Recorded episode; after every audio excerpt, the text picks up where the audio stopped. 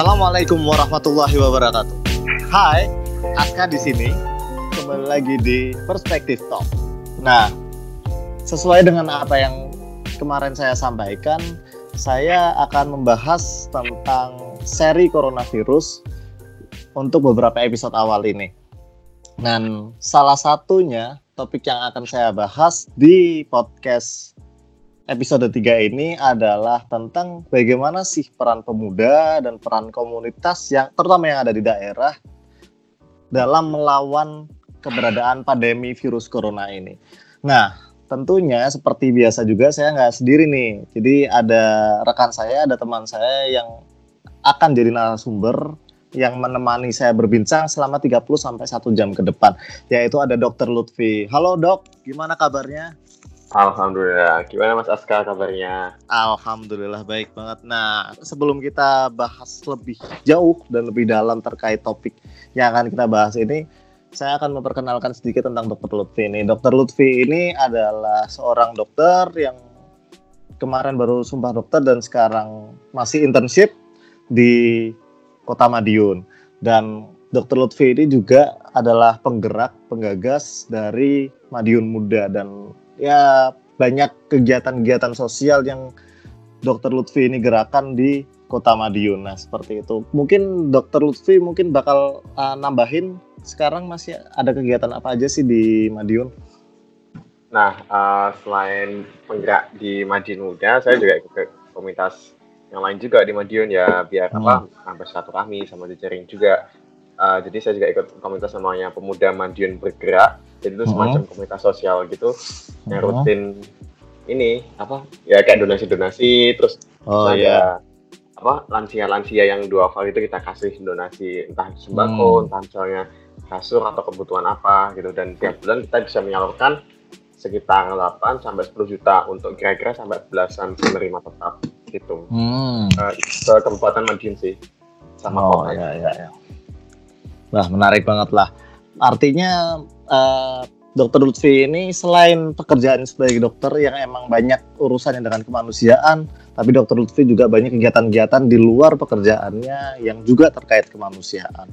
Mungkin kita langsung aja masuk nih bicara tentang apa sih peran pemuda, apa sih peran uh, komunitas terutama yang ada di daerah terkait keberadaan dari pandemi virus corona ini kalau bicara tentang pandemi ini, tentunya kalau misalnya kita tahu kan, uh, yang di Jakarta otomatis kasus yang udah terjadi di sana cukup banyak gitu kan, sangat besar dibandingkan daerah-daerah yang lain, baik PDP-nya maupun yang udah positif corona.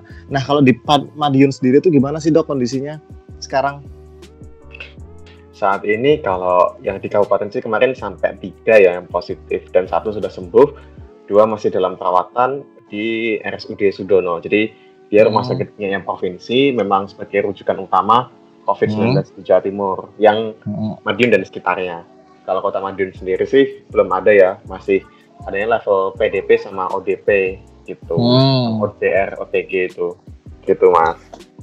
Nah tapi kalau kayak uh, Madiun ya mungkin mungkin mirip sama Pekalongan ya, Pekalongan kebetulan udah ada yang positif, tapi bukan orang Pekalongan sendiri karena apa hmm. ya orang yang uh, tinggal di luar Pekalongan tapi dirujuk ke RS yang ada di Pekalongan soalnya rujukan utama yang daerah sini itu di Pekalongan. Jadi bisa dikatakan Pekalongannya steril nih. Nah mungkin sama kayak Madiun kan masih steril bisa dikatakan dari virus corona ini. Nah yeah. masyarakatnya seperti apa sih? Respon masyarakat apa masih biasa-biasa aja atau udah mulai pada aware terkait virus corona ini? Biasanya tentu aja responnya kan agak panik-panik gitu ya kadang ya. Hmm. Hmm. Ya agak panik gitu namanya juga sesuatu yang baru dan ini kayak apa benar lihat beritanya kan kadang kalau orang cuma update media kan kayak aduh apa media mainstream yeah. kan kadang terlalu oh, ya gitulah booming up berita-berita yang negatif hari ini berapa positif berapa hmm. terus yeah. yang kadang ada berita-berita hoax ini kayaknya di mana aja kayak gitu ya hmm. berita hoax hmm. bisa ada di grup tuh misalnya di grup yang komunitas besar gitu kayak PMB ada yang hmm. tanya lo ini bener apa maksudnya ini bener nggak sih infonya gitu aku tanyain hmm. ya, maksudnya uh, biasanya ada yang kayak gitu dengan modus kayak menanyakan informasi terus itu kan hmm. akhirnya kita yang lebih paham kayak gini kan akhirnya berjibaku juga supaya gimana nggak hoax, gimana nggak percaya banget sama kabar burung sebelum ada rilis resmi, membiasakan orang-orang buat uh, konfirmasi itu ke orangnya langsung atau ke instansi, hmm. jangan ke grup yang ibaratnya uh, satu grup sekian ratus orang mungkin yang yang tahu ya kalau ada kalau nggak ada kan kayak panik semua terus akhirnya kayak nyebar nyebar hmm. nyebar nah terus untuk fenomena apa kayak menolak makaman jenazah sebenarnya udah hampir ada sih. Tapi aku uh, baru nemu beritanya satu di Kumparan yang terkait dengan Madiun. Hmm.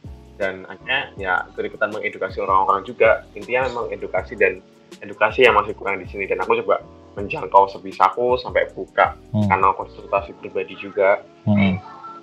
Oh, nah berarti kalau dokter sendiri bikin bikin kanal untuk konsultasi itu ya? Iya, jadi bisa di klik ada website di aplikasi berbasis website kebetulan bikin sama teman-teman uh, app developer di Madiun kenal juga hmm. dadakan sih tapi kita langsung hmm. collab ini bikin website namanya checkcovid19.com itu sebenarnya hmm. prinsipnya sederhana sih Mas Aska jadi hmm. kayak uh, screening gitu deteksi dini nanti tiap orang masuk ya maksudnya yang masuk ke website nanti bakal mengisi pertanyaan ya tidak ya tidak selama sebanyak 8 pertanyaan aja dari situ nanti kita golongkan resikonya termasuk resiko rendah, sedang atau tinggi. Terus ada juga fitur konsultasi dengan saya. Sejauh ini yang menggawangi baru saya sendiri karena saya belum mengajak temen terus uh, akhirnya konsultasi lewat WhatsApp. Saya pakai akun WhatsApp bisnis buat ini yang ini.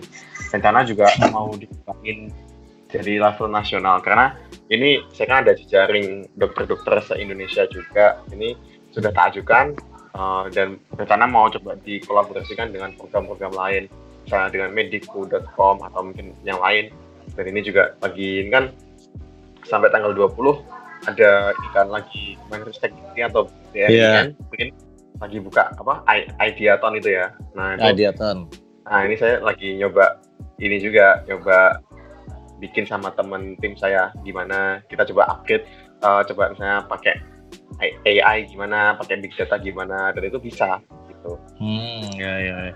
menarik banget. Berarti itu istilahnya kayak inisiasi gerakan baru yang dadakan ya? Dadakan banget mas. Jadi uh, aku tuh ketemu sama Mas Amin, Mas Munif Amin ini, namanya founder yang ibaratnya yang bikin aku collab sama tim IT-nya beliau. Terus kita ketemu tuh sekitar tanggal 22 Maret kemarin. Tektokan terus udah ketemu terus dua tiga hari udah jadi websitenya gitu. Hmm, tapi berarti fitur yang ada tadi ya konsultasi dan segala macam gitu ya? Iya. Yang uh, uh, screening. Uh, screening dan juga ada baru-baru ini ditambah fitur data terupdate juga sih. Hmm. COVID-19 yeah. itu di Indonesia gimana gitu. Sejauh ini respon dari masyarakat gimana sih terhadap hasil dari website yang tadi dibikin kan otomatis banyak orang yang konsultasi dan segala macam. Gimana sih respon dari masyarakat atau gimana sih kondisi dari masyarakat yang ditemui dari keberadaan website tadi itu? Nah, sebenarnya ini sih antusias banget, uh, malah hmm. di luar ekspektasi. Kayaknya yang yeah. mungkin beratus-ratus orang berapa banyak ya. Aku nggak hitung totalnya berapa.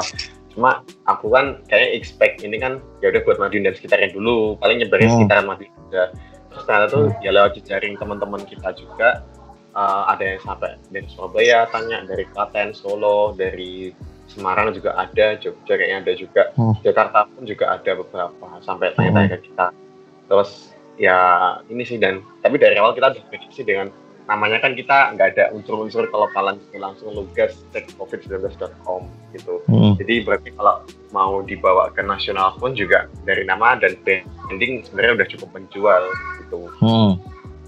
Oh ya ya ya ya ya. Jadi kan kalau bicara konsultasi ya tadi kan ada yang konsultasi segala macam. Banyak yang curhat kan otomatis kan tentang keluhan dan lain sebagainya. Sebenarnya banyak nggak sih orang-orang yang emang benar-benar sakit atau dia hanya merasa seakan-akan sakit padahal nggak sakit? uh, sebenarnya lebih banyak yang ibaratnya kayak konsultasi lebih ke pencegahan ya pencegahan atau misalnya ya agak parno aja tapi kan tetap yang penting kan edukasi ya makanya ya aku kasih tahu gini-gini kecil utama itu gini-gini terus aku titipkan juga poster-poster edukasi juga yang aku kumpulkan dari berbagai sumber terus aku titip ke orang-orang yang aku edukasi buat sebarkan karena aku percaya uh, tiap poster yang disebarkan itu uh, sudah menilai edukasi dan sangat membantu kita kita yang tenaga kesehatan ini buat menangkal wabah itu Mas Aska. Hmm. Tapi sebenarnya kalau yang ditemui di lapangan masalah terbesar dari masyarakat itu apa sih?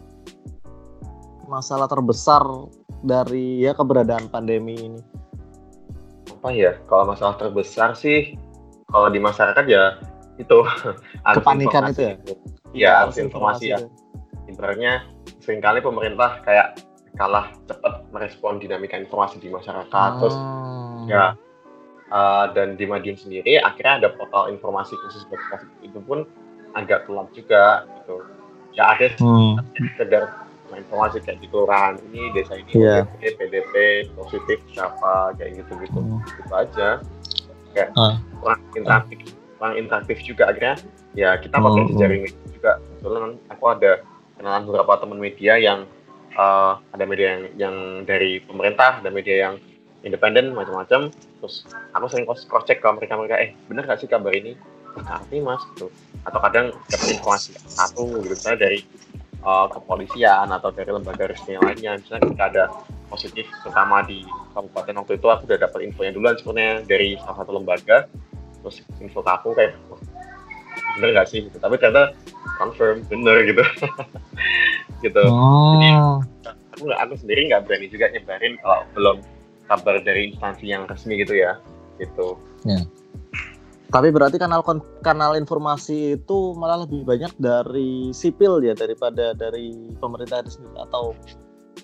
Hmm, benar banget. Jadi uh, civil society berperan banget ya di sini uh, hmm. bukan LSM atau apa maksudnya di sini kan budaya LSM di Madinan belum ini banget ya, belum yeah. banget besar paling di sini lebih ke gerakan-gerakan sosial yang swadaya dari masyarakat hmm. misalnya dari yeah. komunitas dari akun-akun Instagram yang hits-hits gitu, gitu. Yeah. selebgram iya selebgram nah. lokal gitu-gitu nah nah tadi kan kalau kita berbicara tentang gerakan civil society atau gerakan masyarakat Hmm. Sebenarnya menurut Dokter Lutfi sendiri itu sebenarnya seberapa penting sih keberadaan gerakan masyarakat sendiri? Apalagi Dokter Lutfi juga uh, berada di dua kaki nih. Yang pertama jadi tenaga medis, yang kedua juga sebagai orang yang menggerakkan di Madiun Muda dan segala macamnya. Seberapa penting sih sebenarnya? Uh, seberapa penting sebenarnya penting banget sih kalau menurut saya karena hmm. kalau kita apa menyandarkan pada peran pemerintah juga atau pemerintah aja tuh nggak akan pernah cukup karena ya pertama hmm. anggaran pemerintah masih terbatas kedua mungkin hmm. anggaran bisa menang ya mereka tapi kan mereka SDM terbatas juga yeah. dan hmm. uh, Mas Aska sama teman-teman teman-teman yeah. pasti tahu juga gimana uh, komposisi ASN kita kan banyaknya udah sepuh gitu-gitu yeah. tenaga yang ibaratnya yeah. harus diajak pace up atau lari gitu kan kayak susah gitu jadi ya memang civil society ini jadi penting jadi ibaratnya penghubung kolaborator dan inisiator gitu hmm. terus uh, itu penting banget dan uh, sebagai jawaban juga jadi ibaratnya uh, aku juga pribadi kadang kesel juga kalau ada temen yang ibaratnya cuma mengkritik mengkritik tapi nggak ada kritik uh. karena uh. ini prinsip sih karena kan bagiku uh, berkritik sama apa kamu udah ngapain aja tuh harus seimbang gitu hmm. kalau kita ini kan dewasa dan apalagi kita nih temen yang mungkin alumni mahasiswa yeah. gitu kita intelektual nah. kita cuma yeah. tes gitu usul cuma usul bayi nangis juga usul gitu gitu yeah. ya gitu karena emang kita uh, lebih educated daripada mungkin uh, sebagian besar di masyarakat lingkungan kita bisa jadi kan ya. Nah yeah, nah, uh, nah terus sebenarnya harusnya seperti apa sih kalau uh, bicara masyarakat? Masyarakat itu harusnya seperti apa? Apa yang harusnya mereka lakukan? At least sebagai seorang individu gitu. Sebagai seorang individu ya sebenarnya uh, memulai dari diri sendiri sebenarnya langkah yang paling sederhana ya misalkan hmm. uh, pencegahan-pencegahan kan di internet udah banyak post dari Kemenkes dari lembaga-lembaga resmi dari akun-akun influencer sebenarnya cukup banyak dan apalagi kalau di dalam lingkaran dia ada yang tenaga medis atau ada perawat atau, atau bidan atau semacam itu kan pasti sedikit banyak para tenaga kesehatan kan dia nge-share info-info kesehatan juga gitu dan itu aja di, diterapkan dulu di diri sendiri baru kita bicara tentang edukasi menyebarkan ke orang lain sama uh, ibaratnya pencegahan-pencegahan yang lain gitu Berarti ibaratnya kita sebagai seorang individu minimal kita upgrade ilmu dulu ya terkait uh, COVID ini, mulai dari gejalanya, mulai dari cara penularan dan segala macamnya nih. Kita udah memadai ilmu kita, baru kita mengedukasi orang di sekitar kita, kayak minimal circle terdekat kita, keluarga kita, kita ngasih tahu mereka gitu kan. Ya, minimal benar. mulai dari hal seperti itu dulu ya. Yes, hmm. seperti itu. Nah, tapi kalau bicara di Madiun, sudah sejauh apa sih gerakan masyarakat itu? Uh, kalau gerakan masyarakat ini yang komunitas yang aku hmm. associated, apa aku kenal orang-orangnya ya, kan? Yeah. Kadang ada komunitas yang ada ada beberapa komunitas yang kayak baru menjamur gitu dengan apa misalnya tahu-tahu mereka oh, tahu-tahu kok hmm. punya koneksi ke artis di endorse mereka dapat donasi puluhan juta ada yang tahu-tahu apa tapi ya nggak apa kan berbuat baik gitu masalah hmm. pentingan atau motivasi kan terserah mereka yeah. tapi uh, kalau di sini sih ibaratnya mereka sudah bergerak dan uh, aku selalu menekankan ke teman-teman masing-masing komunitas tuh uh, ibaratnya temukan peran kalian masing-masing gitu ada yang mungkin fokusnya di edukasi ada yang mungkin ke donasi buat apa atau orang-orang yang nggak bisa work from home atau pekerja informal ya bahasa kita hmm, yeah. Ada juga yang ibaratnya donasi untuk uh, tenaga medis yang APD yang langka itu dan ini aku selalu menekankan temukan peran gitu Hmm, iya, iya, iya. Ya, kayak ibaratnya Mandin Muda, kenapa sih ada beberapa teman yang tanya, kenapa sih nggak bikin donasi? Karena uh, beberapa komunitas mitra kita, maksudnya asosiat kita tuh udah ada yang bikin, maksudnya kita kayak menyamakan. Kita akhirnya ya jatuhnya merequest aja gitu kan. Iya, iya benar-benar. Edukasi gitu sih, kayak hmm. aku nyediain kanal konsultasi, aku up di Mandin Muda, kayak gitu. Hmm, iya, iya.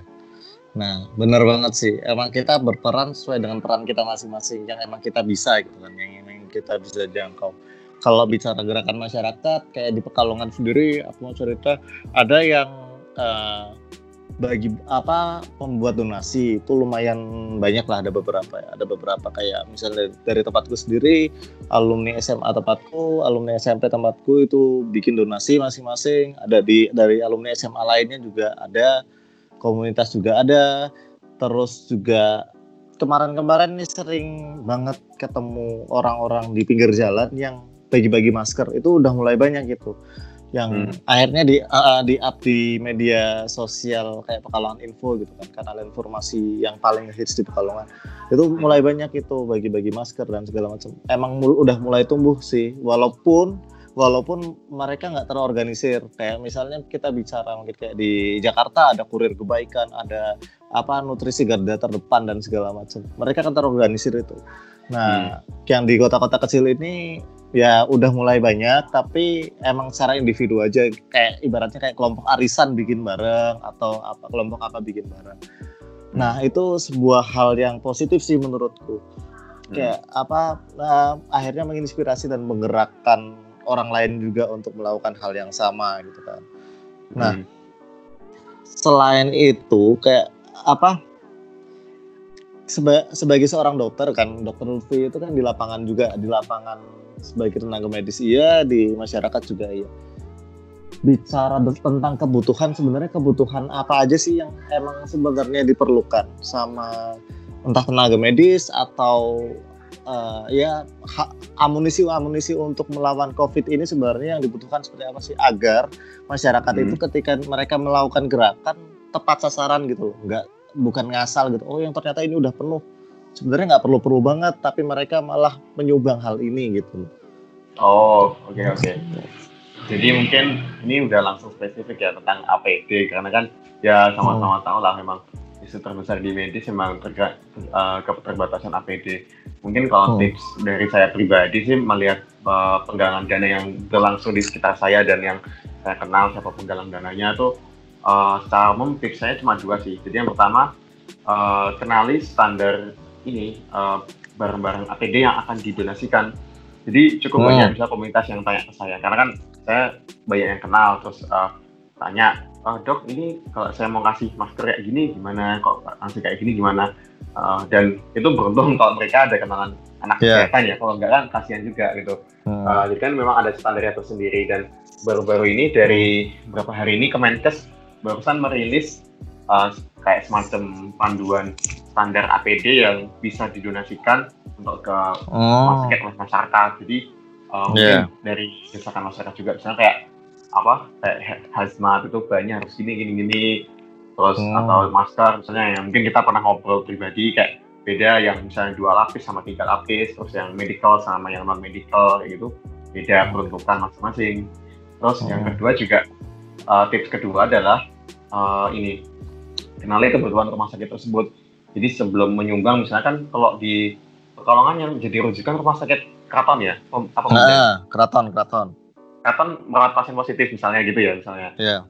uh, misalnya keraton itu merawat pasien positif jadi kita harus konfirmasi ke sana. Kira-kira harus eh harus masih uh, APD apa yang dibutuhkan? Karena tiap rumah sakit kadang langkahnya beda-beda. Misalnya ada yang kadang langka masker bedahnya kadang yang ada yang langka masjidnya buat baju overall itu ada yang masker N95 ada yang apa-apa hmm. tanyakan aja jadi kita kira-kira udah tahu dari situ targetnya kita mau donasi berapa memang yeah. mahal sih tapi uh, yeah. atau misalnya kalau dirasa buat beli APD kok terlalu mahal donasi makanan atau donasi apa uh, suplemen nutrisi atau apa pun itu juga sangat dihargai teman-teman kesehatan kok kita hmm. aku pun di Madiun sendiri yang ibaratnya nggak terlalu heboh ya sebenarnya ada pasien positif ya kita tapi masih banyak tahu-tahu masyarakat ngirim makanan atau hmm. ngirim apa ke di kan yeah. jika di dan kita menghargai setiap pemberian apa pun itu. Iya. Yeah. Oh iya ya. Soalnya kemarin tuh sempat ada berita ini sih aku uh, dapat dari salah satu kanal informasi bahwa ada orang yang donasi masker kain 500 piece atau apa gitu ke hmm. rumah sakit. Hmm. Nah, kayak aku jadi pertanyaan aja. Kan soalnya itu kan nggak standar nih kalau untuk tenaga kesehatan kan. Hmm. Nah, yang nggak tahu gitu loh. Nanti kan itu akhirnya bazir aja gitu loh. Entah mungkin rumah sakitnya akhirnya ya udahlah nggak apa-apa diterima nanti dibagikan sama pengunjung kan paling kayak gitu jadinya. Jadinya gitu. hmm. nggak maksudnya hal eh, hal-hal seperti itu akhirnya kan nggak tepat sasaran. Kalau misalnya di uh, diperuntukkan ke tenaga medis tapi ternyata itu nggak bisa dipakai sama tenaga medis gitu. Hmm. Jadi uh, memang balik ke dua tips tadi sih yang hmm. saya tadi. Jadi uh, kenali kebutuhan rumah sakit dan juga kenali standar bahan yang dibutuhkan itu nah. seandainya.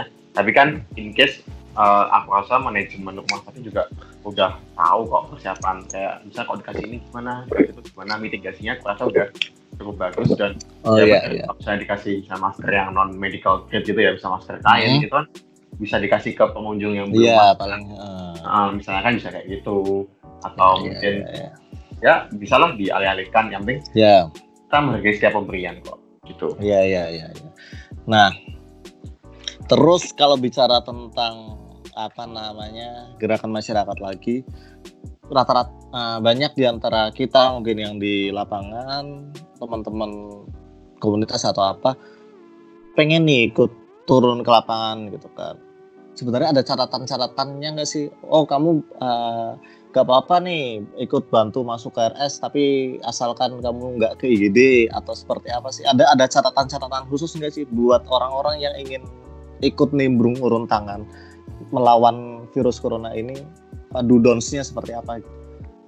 Uh, mungkin dari yang level yang paling gampang dan ibaratnya bisa dilakukan semua orang di level individu ya. Hmm. uh, jadi ya memang kampanye di rumah aja itu jadi penting karena hmm. uh, dua hal yang bikin virus COVID-19 ini cukup fatal walaupun dia sebenarnya masih saudara dekat sama virus influenza adalah mm, yeah. yang pertama dia masa inkubasinya cukup panjang Mas Aska. Jadi mm. dari kamu terkena sampai muncul gejala demam dan lain-lain itu bisa 5, 6, 7 hari. Nah, yeah. selama hari-hari itu kan kita nggak tahu kontak sama siapa aja, cuma mm. siapa yang rentan, yang populasi rentan kayak lansia gitu tahu-tahu dia sakit duluan tapi kita masih sehat. Padahal mm. kita sebenarnya sakit duluan, positif duluan. Itu. Terus yang kedua adalah uh, ibaratnya aku lupa istilahnya apa ya jadi uh, faktor penularan itu sekitar dua atau tiga gitu jadi ibaratnya gini setiap kita di kerumunan kita bisa menularkan dua sampai tiga orang sekaligus iya dua tiga kontak Arab uh, jadi uh, dibandingkan dengan influenza biasa yang cuma 1,2 tuh ada satu channel video YouTube yang memang favorit saya sih channel Fox itu ya hmm. uh, ini bikin simulasi kalau influenza biasa ketika penularan level ke 10 orang ke 10 lapis ke 10 tuh dia berapa ribu orang yang tertular dibandingkan dengan COVID-19 kalau influenza hmm. biasa itu paling cuma 2000 atau berapa gitu jelek-jeleknya ya Nah, hmm. tapi kalau COVID-19 ini bisa berpuluh-puluh kali lipat sampai 50 atau 80 ribu gitu kalau nggak salah. Gitu. Jadi sebenarnya hmm. ini faktor penularan ini yang bikin ya, bikin kali-kali lipat. Ya. Hmm. Jadi ajakan di rumah aja itu jadi penting, social distancing juga hmm. gitu. Nah, paling plusnya kalau misalnya ada orang yang kepaksa buat keluar, jangan lupa cuci tangan gitu ya. Jangan lupa ya, uh, ya pakai, pakai sabun dan air mengalir itu juga penting. Hmm sama plusnya paling masker ya kalau misalnya nggak ada masker bedah gitu kan apalagi masyarakat sipil yang bukan tenaga kesehatan ya pakai masker kain gitu kan ke mana-mana gitu. Ini, yeah. itu minimal kan mengurangi resiko gitu yes jadi masker kain pun tetap berfungsi walaupun memang nggak seefektif itu tapi buat orang sehat udah lebih dari cukup karena mm -hmm. uh, ini juga panduan dari WHO sendiri juga baru banget berubah mas Aska mas Aska mm -hmm. ya. uh, sebelumnya WHO cuma mengindikasikan pakai masker itu cuma buat yang sakit gitu. Yeah. Nah, tapi seiring kelangkaan masker bedah, masker medis dan juga panic buying orang-orang mungkin seluruh dunia akhirnya WHO merubah pikiran juga akhirnya semua harus pakai masker walaupun cuma masker kain. Dan masker kain itu pun ada beberapa bahan yang terkenal efektif. Jadi ada bahan hmm. yang dia dilapis dua mungkin pernah tahu ya yang yeah masker kain aja campaign itu ya yeah. itu ada sampai 91 persen 70 persen yeah. efektivitas kan udah lumayan banget gitu ya yeah. istilahnya kayaknya semakin tebel ya semakin bagus sebenarnya tinggal ya semakin tebel dan pori-porinya kecil gitu ya yeah. ya yeah. tinggal tinggal kalian aja pengap apa enggak gitu nah ya memang idealnya sih ada pengukuran ya jadi ibaratnya yeah. di medis tuh sebelum pakai tuh konsentrasi oksigennya bisa 100%. Yeah. Setelah pakai sekian menit atau berapa jam tuh harusnya nggak lebih dari berapa persen turunnya kayak gitu idealnya. Hmm. Tapi oh, ya udah yeah. yang pakai dan nggak yeah. nggak terasa pengap gitu gampangnya hmm, gitu. Ya, yeah. hmm. ya akhirnya kan kayak gitu ya. Soalnya daripada ribet terlalu panjang segala macam akhirnya ya udahlah kalian pakai yang penting kan pakai gitu. dengan standar-standar seperti ini gitu. Hmm. Nah, mau tanya lagi nih terkait uh, gerakan masyarakat juga so far sebenarnya ada gerakan yang menurut dokter sendiri menarik banget gitu kok ini kok gerakan kayak kece banget sih pernah pernah melihat gerakan yang serasa seperti itu nggak di lapangan sebenarnya semua kece sih karena ya. semua uh. orang menemukan perannya masing-masing yeah. uh, kayak misalnya musisi nih ada yang konser dari rumah aja yang yeah. juga sudah siap juga itu yeah. dan visi ke, ke depan yang dia fokus di karena terus ada fight for together itu sama teman temanku juga yang di situ yang bagian masker kain ke masyarakat terus edukasi juga uh, intinya semua tuh menemukan perannya masing-masing sih dan hmm. yeah. Nggak nggak kelihatan kayak orang cari panggung atau orang buat yeah. politisir gitu ya itu ya yeah ya ada sih beberapa tapi ya udah nggak usah kan mungkin teman-teman tahu sendiri dan ya semoga yang penting kita menemukan perannya aja masing-masing kita cocoknya di mana sih gitu hmm. itu semua gerakan pada dasarnya bagus hmm. gitu. artinya apa pun yang akan kita lakukan baik ya entah kita bikin donasi atau bikin kanal konsultasi ataupun hmm. sekedar kayak beli dua makanan satunya buat ojolnya satu buat kita ya nggak masalah gitu. Yang penting kita bergerak sesuatu lah. Kita berbuat yes. sesuatu buat ya buat orang yang ada di lapangan. Intinya sih kayak gitu sih. Mungkin yang terakhir aku mau minta dokter Lutfi buat uh, ngasih pesan nih buat teman-teman milenial yang ada di luar sana. Sebenarnya what should what should they do? Apa yang sebenarnya harusnya mereka lakukan Ya, di tengah pandemi seperti ini ya. Hmm, ya, tengah pandemi seperti ini. Ya, jadi uh, yang pertama tentu uh, prinsip social distancing itu hmm. harus dijaga juga misalnya kalau nggak ujung banget nggak salah keluar rumah apalagi kumpul-kumpul hmm. kalau misalnya yang udah kerja kayak uh, Mas Aska ini kan misalnya bisa from home atau mungkin kerja gantian shift gitu atau gimana iya yeah. uh. saya sendiri kan memang kesehatannya nggak mungkin ya work from home gitu uh, yeah. terus uh, ibaratnya rajin cuci tangan, pakai sabun dan air mengalir, dan apa makan bergizi, terus cukup istirahat itu sebenarnya udah cukup untuk ini, insya Allah aman lah kalau itu nasihat seperti itu aja. Sebenarnya kayak hidup sehat aja udah cukup dengan uh, apa yang merangkum buat pencegahan-pencegahan ini, nggak seribet kayak sakit bakteri atau apa. Cuma memang musuh penyakit lain virus kan memang susah ya deteksinya karena nggak semua laboratorium bisa mendeteksi gitu. Oh iya. Hmm, sama paling plusnya adalah tetap bekerja dengan peran uh, kalian masing-masing ya, peran kita masing-masing. Ya, Artinya kayak orang yang tenaga kesehatan geraklah sebagai tenaga kesehatan, orang yang bagian distribusi sesuatu bekerjalah sesuai dengan porsinya, orang hmm. yang mungkin uh, IT dan dia bisa bekerja di rumah bekerja sesuai dengan porsinya atau at least orang yang sebagai musisi atau sebagai entertainment entertainer mungkin nggak bisa ke mana-mana ya hiburlah orang-orang yang rebahan di rumah yang bingung mau ngapain ya ajaklah mereka untuk tetap bahagia meskipun di rumah gitu ya intinya ya yes bener banget kayak misalnya ada salah satu band aku teringat nih dari agak-agak intermezzo yeah. jadi yeah. salah satu band favoritku yang dia kan namanya band kan pasti kru panggungnya mereka kan selama wabah ini nggak dapat penghasilan apa-apa yeah. ya mereka inisiatif bikin kayak course-course di YouTube terus habis itu yeah. mereka tangan-tangan buka donasi buat ini ibaratnya supaya bisa menghidupi kru mereka juga gitu karena kan memang namanya kru panggung kan nggak semuanya benar-benar sejahtera mereka juga sadar kalau hmm. memang artisnya sendirinya pasti mereka udah literasi finansialnya udah cukup bagus lah ya gitu hmm. tuh itu sih keren juga jadi ibaratnya temukan peran kita masing-masing walaupun peran kita cuma di level individu seperti mungkin menjaga diri dan juga edukasi orang sekitar itu udah sangat membantu gitu.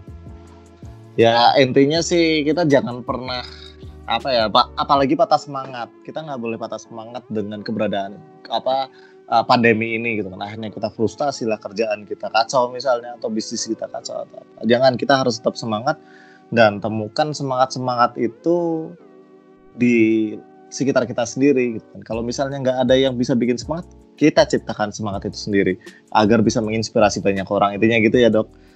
Yes. Oke. Okay. Hmm. Ya, intinya sih itu ya. Teman-teman semuanya pada intinya jangan selain selain apa namanya kita mem memanfaatkan memfungsikan peran kita masing-masing dan tetap social distancing dan physical distancing agar kita bisa menghentikan penyebaran virus corona ini yang cepat banget tadi kan dokter Lutfi juga udah mengatakan bahwa emang penyebarannya emang mirip sama influenza biasa tapi penyebarannya berkali-kali lipat lebih luar biasa dibandingkan influenza biasa ini si COVID-19 ini. Oke, okay, uh, eh, terima kasih teman-teman semuanya udah mendengarkan podcast ini. Dan terima kasih juga Dokter Lutfi yang telah menemani kita ngobrol nggak kerasa. Udah 37 menit kita berbicara panjang lebar terkait gerakan pemuda dan gerakan masyarakat yang ada di Madiun kalau ada di Indonesia.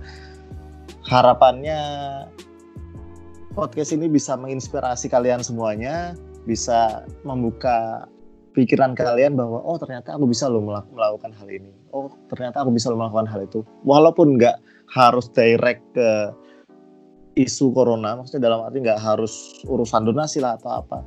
At least kita bisa menghibur orang yang di rumah aja biar mereka nggak bosan di rumah.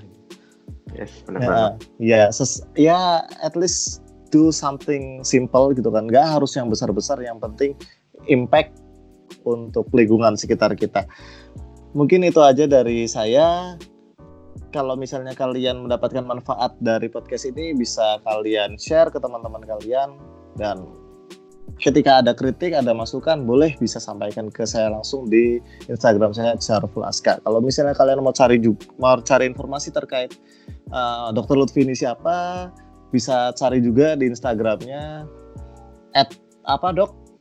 At white coach maksudnya dua white coach uh, jas putih underscore nah, gitu. Tua, Atau cari nama lengkap aja Lutfi nah. Aulia Rahman kan kayak di Instagram hmm. kalau tunggalik. Iya. nah itu Lutfi Aulia Rahman atau The White Coach atau di Facebook dan segala macamnya. Oke, terima kasih teman-teman semuanya. Terima kasih Dokter Lutfi yang telah menemani kita ngobrol 30 menit selamanya. And until next time and stay classy. Wassalamualaikum warahmatullahi wabarakatuh.